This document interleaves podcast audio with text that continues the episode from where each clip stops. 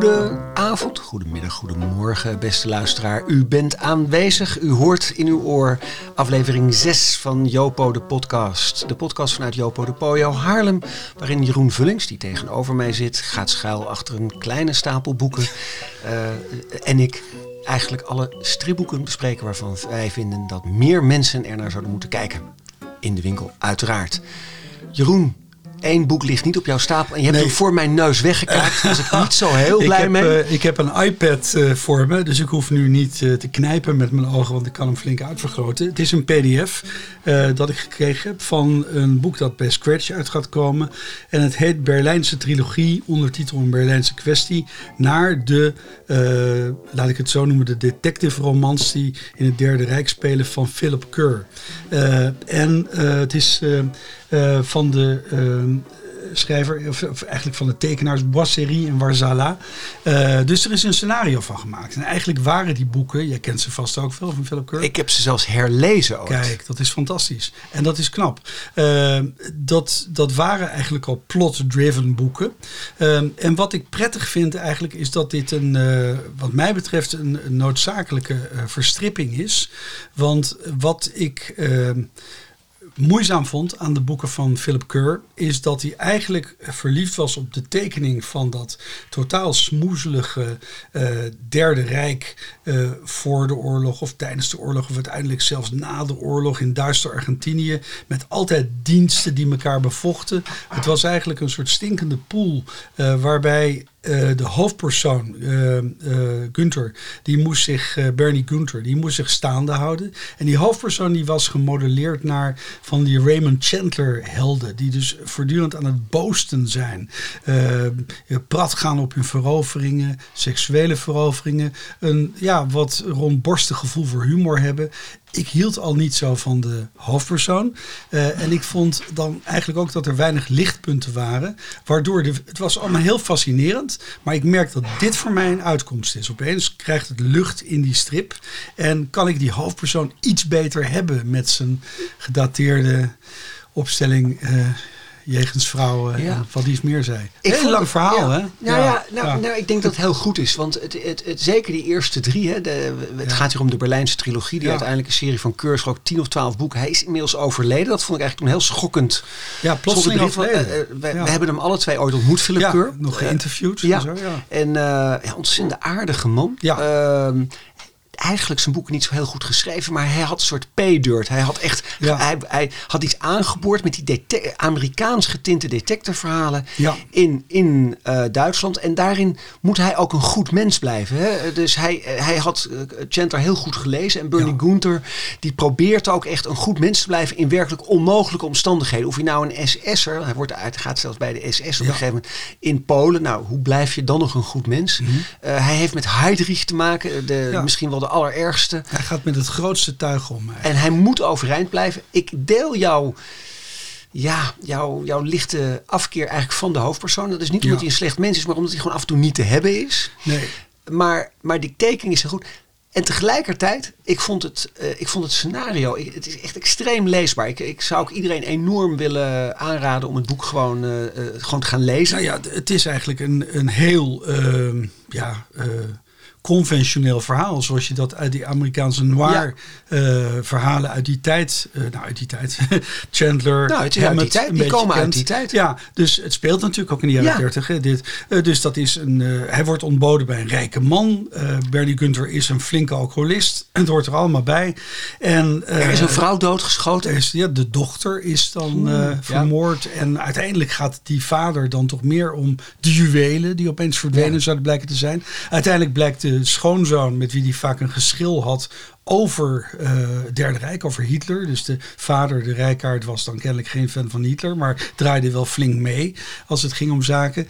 Uh, dat was een uh, SS'er. Die, en dat vond ik wel mooi in de strip. Dan zie je eigenlijk als eerste kennismaking met die dode schoonzoon het uniform. uniform in die doos. gezegd een zwarte engel. Ja. Dat was kennelijk een term om ongeveer uh, aan te geven wat dat voor types ja. waren. Fanatieke, rabiate types. Maar goed, uiteindelijk is het iets wonderlijks. Het is wonderlijk in die boeken van Philip Keur, vind ik. Uh, je hebt, uh, ja, vergeven, maar nu begin ik echt over iets. Je hebt poppetjes, die worden gemaakt in Hongkong. En die zijn allemaal gemodelleerd naar historische figuren. Dus je kunt Napoleon krijgen, Julius Caesar, Amerikaanse Kijk je een beetje uit met je zijpad hier. Maar eh. ook heel veel nazi's. Uh, de allerergste, met ook die koppen en zo. Dat wordt dan daar in Hongkong gemaakt. En die vinden gretig aftrek in vooral de Anglo-Saxische wereld. Kosten ook een lieve duit. En ik heb een beetje het idee, dat is het decor waar die Philip Keur graag in zat. En hij heeft die Amerikaanse verhalen overgezet naar dat decor. Maar het is een beetje jongensgedoe. Daar zit je dan in. En dat komt heel mooi uit in die tekeningen, vind ik. Want je Vind ziet, je het goed getekend? uh, ja, Leading question. um, ja. Ik vind het voor het soort uh, spannende verhaal goed getekend. Het is realistisch getekend. Uh, en ik vind het, maar dan, dan kom ik dus weer, ja, weer op die decors bijna. Alexanderplatz wordt in Berlijn uh, getoond. En dan denk ik, ga ik toch kijken naar het Alexanderplatz zoals ik het ken. En dan denk ik, oh ja, hij heeft dus heel goed, de tekenaar ook, heeft gekeken naar wat daar toen voor natiegebouwen stonden. Nee. Dus op zo'n manier, ik heb ook een beetje dat Agent Orange gevoel hierbij. Van ja, uh, je kunt ook de biografie lezen van, uh, van de Kennedys en zo, maar je kunt ook die strip lezen. Ja. Misschien een beter idee. Ja. Nou, en het is, uh, het is gewoon een. Uh, ik vond dat ze de, de plot heel serieus hadden genomen. Ik ben niet zo enthousiast over die tekeningen. Uh, waar ik, wat ik uiteindelijk mis. Het, ja, wat ik ja. mis is, is echt de sense of place. het is toch een, dat? Ja, dat je het gevoel hebt dat je er bent. Je wordt er niet helemaal ingetrokken. Het blijft een soort bordkartonnen, mm. weliswaar goed uitgezocht. Je hebt bijvoorbeeld die zwart-witte Duitse bewerking van die boeken van Kretschmer. Hoe hoort die dan ook alweer? Nou, de, god, dat weet ik niet eens uit mijn hoofd. volgende keer, Dragon Books heeft dat uitgegeven. Dat is waar ook Hollywood, Berlin Babylon naar gemaakt nu komen de luisteraars in actie, hè? Ja, ja. nu ga je reacties geven. Ja, maar het is echt, ja, hier val ik gewoon door de nee, mand. Nee, dit moeten we maar. Dat, maar dat decor, dat decor daar, dat komt, dat ademt meer. En, en wat ik dan, wat ik ook, laat ik het even vergelijken met een andere toch klare lijntekenaar die ook ja. gewoon 150 pagina's tegen aangooit. En een wereld herschept die er niet was. Dat is Peter van Dongen, Rampokan. En ja. die wereld wordt opgeroepen, die klopt. Daar wil je inwonen. Dat is helemaal compleet. En dan is dit toch afgeraffeld? Ja, ja maar die is lieflijker. Peter van Dongen weet zelfs bij ontberingen, bij ellende daar... die weet er toch iets heel uitnodigends in te brengen. Het zal wel met het mensbeeld te maken hebben. Misschien. We gaan Peter ja. vast terugzien als we het over andere zaken hebben laten we het gesprek hierover. Ja, want we gaan, we nog, we gaan nog naar een, boek, een andere boekverstripping. En Ja. die is nog veel luier uh, getekend. Maar we gaan, voordat we dat doen, sluiten we deze even af. Op vele verzoek even de details. En die zijn dan voor jou, Jeroen.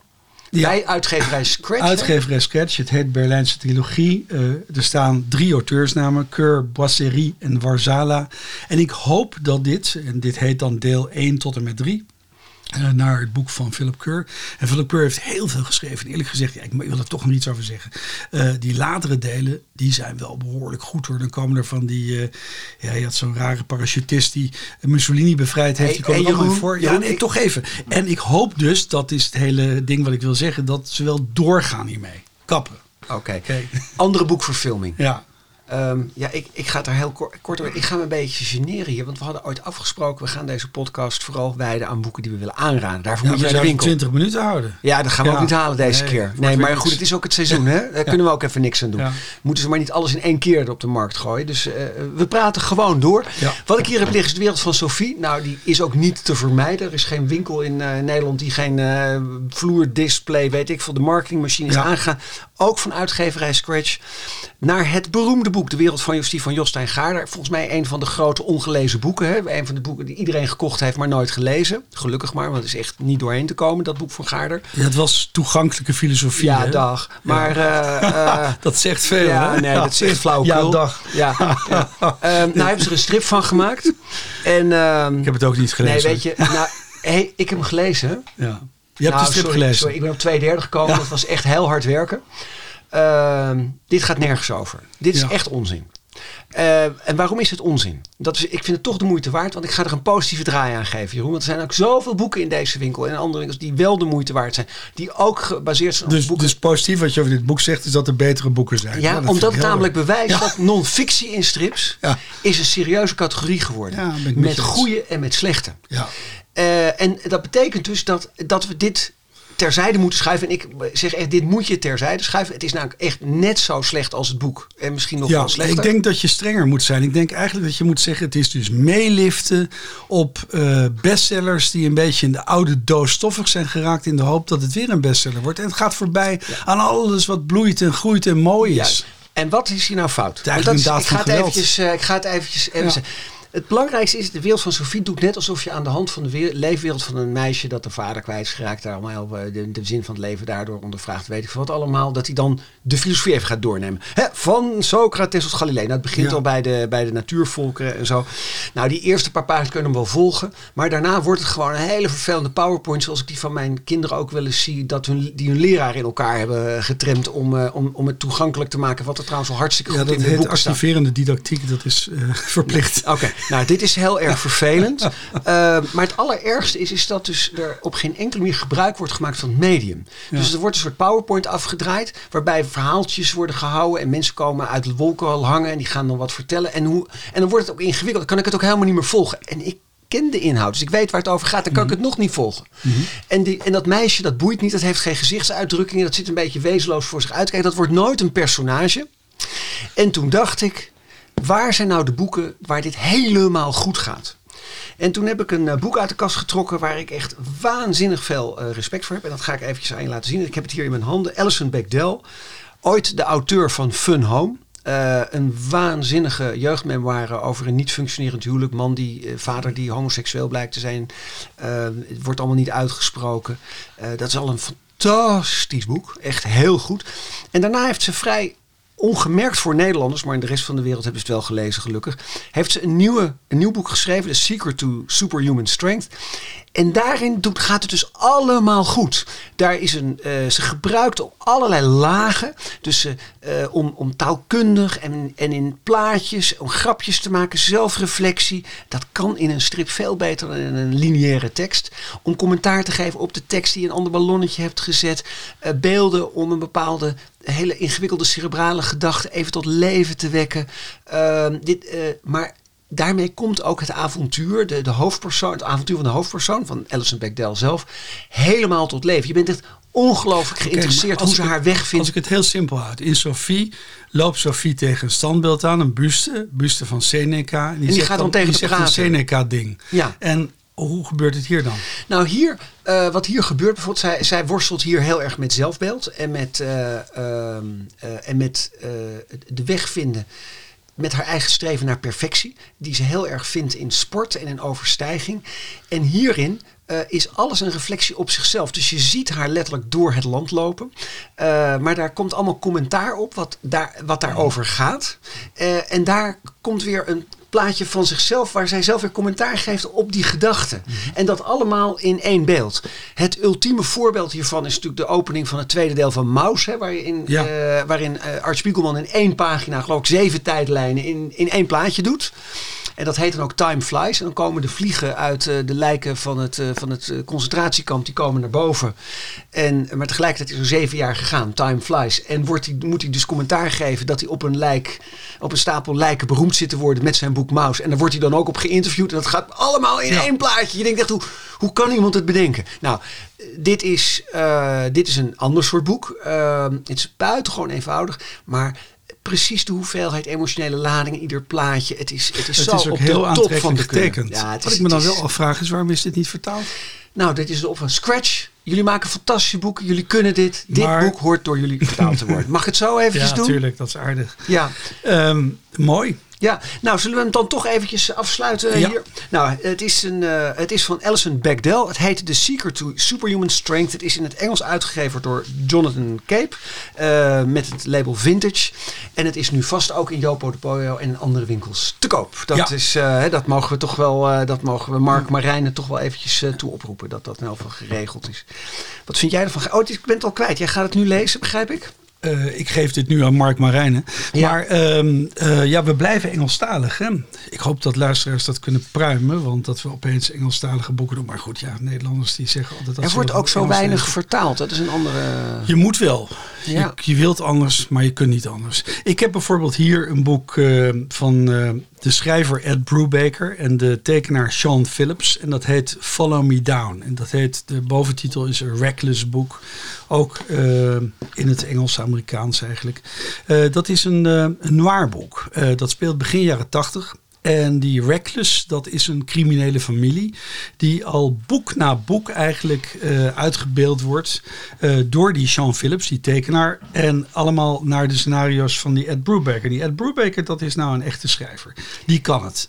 Uh, hij begon een beetje ik zag het niet, laat ik het zo zeggen. Hij begon met uh, Marvel Comics. En ja, dan zie ik toch nooit of iemand nou echt geweldig kan uh, schrijven. Als hij uh, niet bijzonder afwijkt van de schablonen. Op een bepaalde manier. Dus kenners vinden het allemaal prachtig. Maar ik kreeg hem eigenlijk veel later eigenlijk een beetje in de gaten.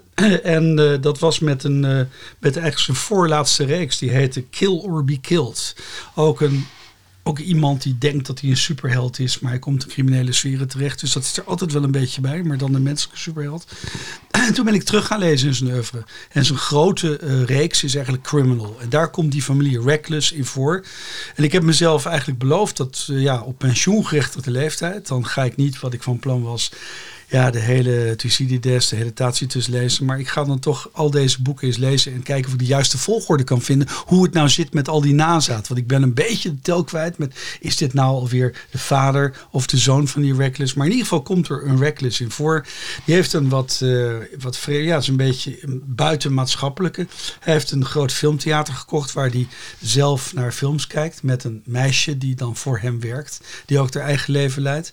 En hij wil eigenlijk niet zo graag in beweging komen. Maar af en toe komt hij in beweging, want hij moet een klusje doen. En nou, noem het een privédetective, maar dan wel van het weinig nadenkende, gewelddadige soort.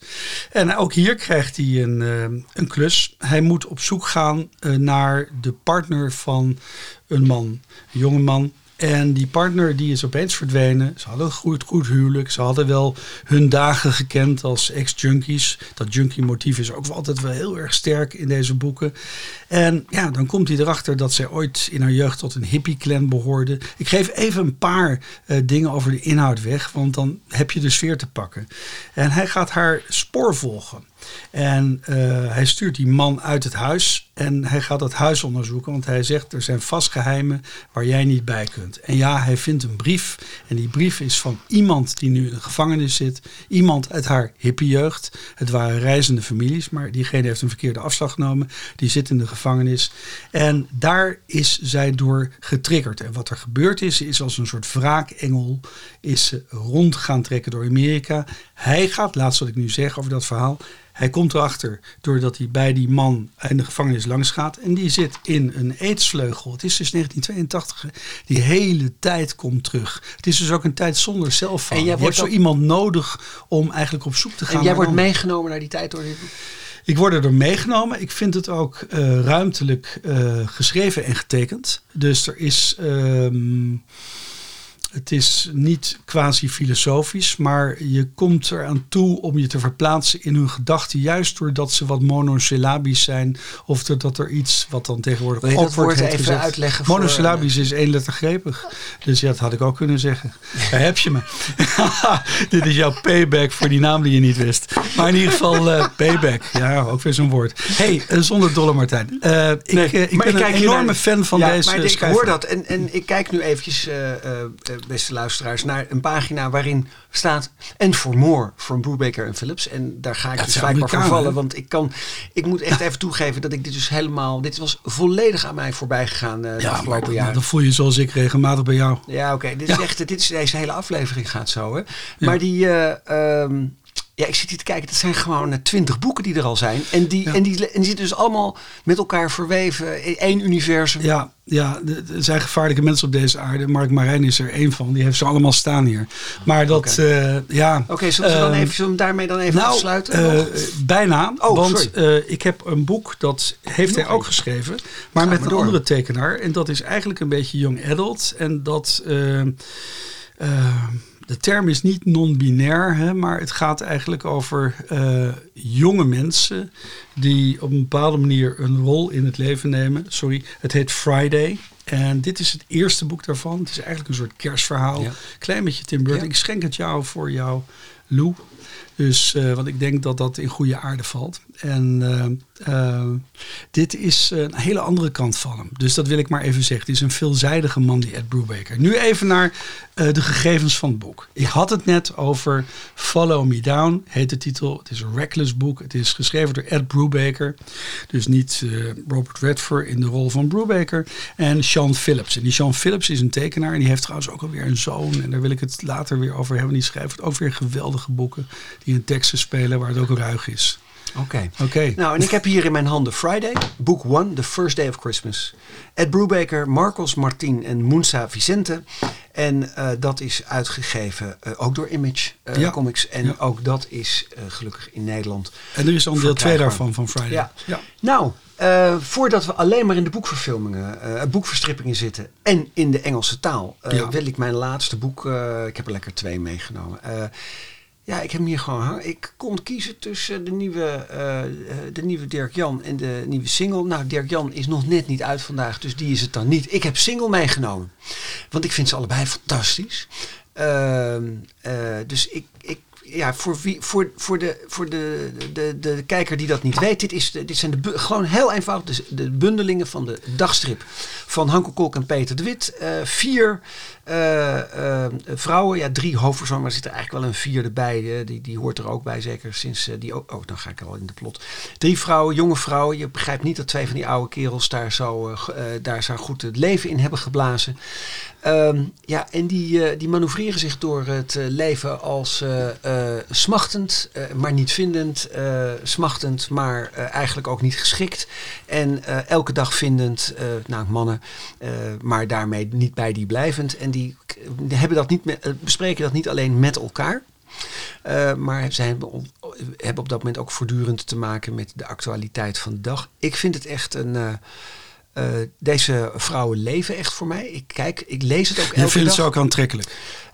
Nou, ik ben, het, het, weet je, ze zijn een beetje jong voor mij. Dat, Ja. moet ik wel zeggen. Eh, de, zijn, ze zijn ongeveer de leeftijd van de kinderen van mijn vrienden. Dus dat, dat, Nee, dat schakelt een beetje uit. Tuurlijk, maar ik, ik vraag het omdat ik er iets ongemakkelijks bij heb eigenlijk Oh, hiermee. ja. Bij dit. Fra- zeker een soort Franca-syndroom. Eh, het is het Franca-syndroom, maar het is ook een beetje Peter van Straten die altijd een beetje inzoomde op mensen die zo'n 100 jaar jonger waren en zo.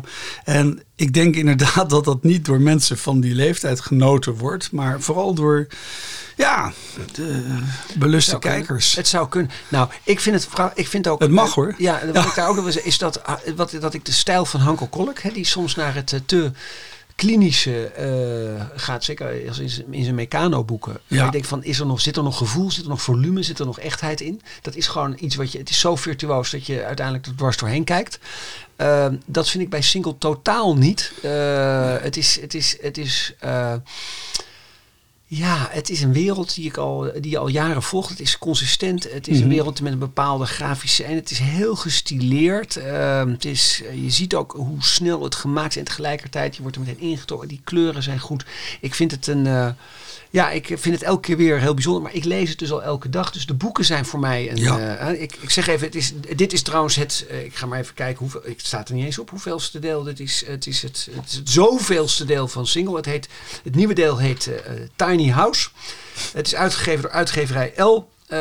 en ja, laten we, laten we Dirk Jan voor de volgende keer houden. Ja. want dan, eh, dan worden we echt met z'n tweeën enthousiast. Het is Jij denk ik, het niet, nou hè? nee, maar het is niet erg. Want ik denk dat het een richtingenstrijd is. Je hebt de Beatles, je hebt de Stones. En ik, ik ben meer van de, de kabouterpletters. Dus van Dirk Jan. Ja, De Stones. geniaal. Maar, dat, eh, maar, ik vind het leuk om daar een volgende keer over te hebben, Ja. absoluut. Ja, Ehm, ja dus dat, dat, was mijn, eh, dat was mijn laatste boek. Maar ik zie er bij jou nog ja, eentje liggen. ja, dat is natuurlijk niet de bedoeling. Hè, maar ik heb er Ah, eentje meegenomen. En dat heet Winnetou en Old Shatterhand, de schat in het Zilvermeer. En dat, eh, dat is pulp uit de jaren 60. Maar het was ook mijn pulp. Het was Ja, ik had kennis- het. Jij had het zelf, hè? Ja, ik herkende het meteen. En, ik wist niet eh, dat het was heruitgegeven, joh. Ja, en hij. nou ja, bij, bij die uitgeverij Bouwmar, die ik altijd wat weinig kan volgen wat ze weer doen. Maar die hebben dan af en toe toch altijd wel weer niet dat ze bestonden, joh. Ja, die, die bestaan zeker. Maar in ieder geval, eh, die eh, hebben die verhalen heruitgegeven met dezelfde prettige, fletse kleuren als in de jaren 60. Ja. En- Ruikt het ook als toen? Nee, Oh, goddank niet. Want ik had die boeken, die kwamen volgens mij van de geïllustreerde pers. Ja. Eh, ze werden gepubliceerd op een zeker moment in Shores. Dat was mijn eerste kennismaking, denk ik.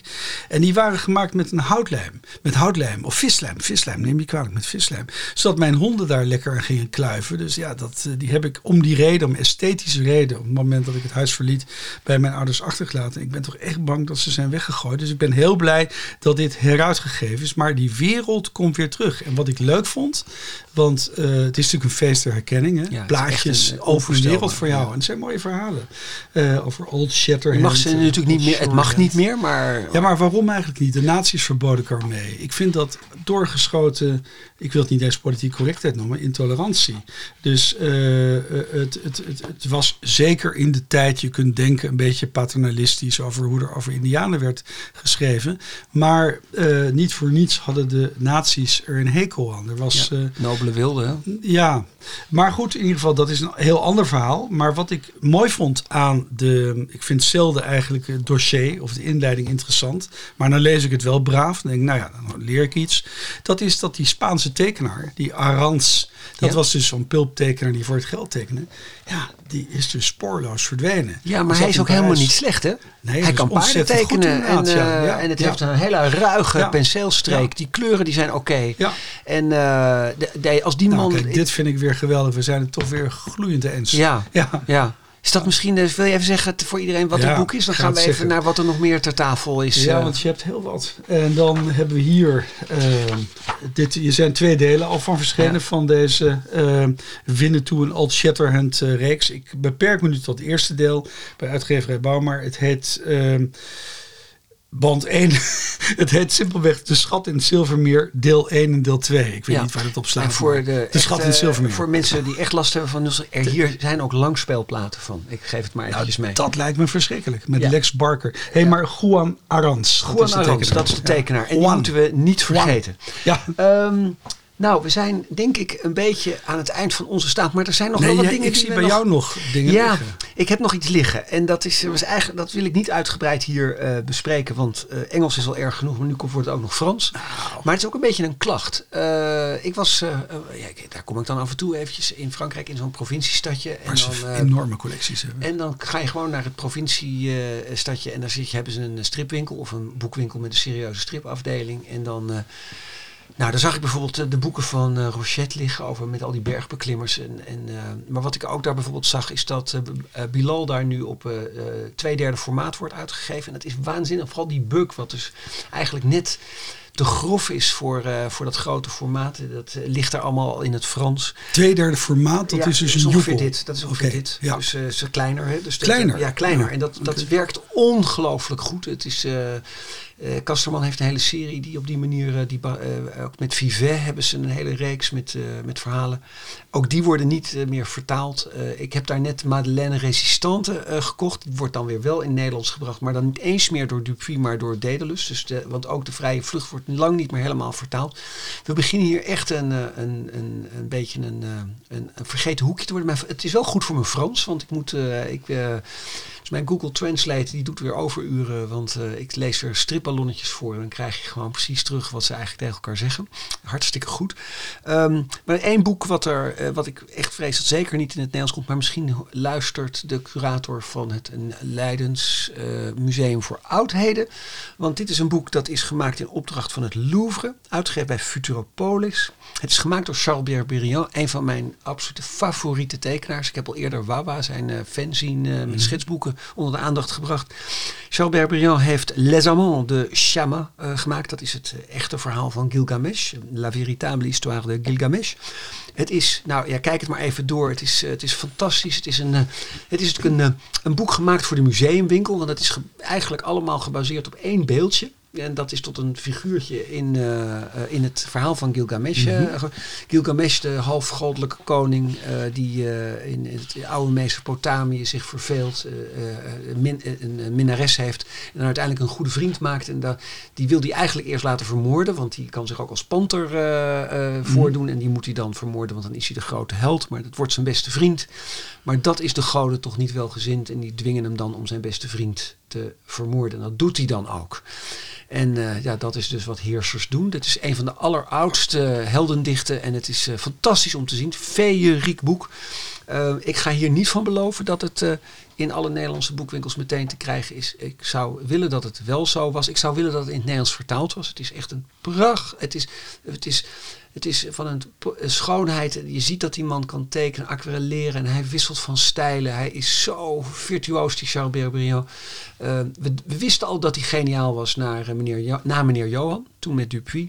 Maar dit is echt... Uh, ja. ja. ik, mag, ik wil het alleen maar eventjes Het pleit enorm voor je dat je dat deelt. Want dit zijn eigenlijk de dingen die je voor jezelf moet houden. Omdat het misschien wat te mooi is om ja. aan zoveel mensen kwijt te raken. En, dan heb ik nog een klein dingetje. Maar jij eerst, heb jij nog iets om, uh, om aan mensen mee te geven? Iets waar je naar uitkijkt voor de komende tijd? Iets waar ik naar uitkijk. Ja, maar dat ligt wat verder in het verschiet. Hè? Dus de nieuwe Black Mortimer komt natuurlijk uit. En uh, uh, de nieuwe Korte Maltese die jij gaat bespreken. Ja, die heb ik geclaimd. hè?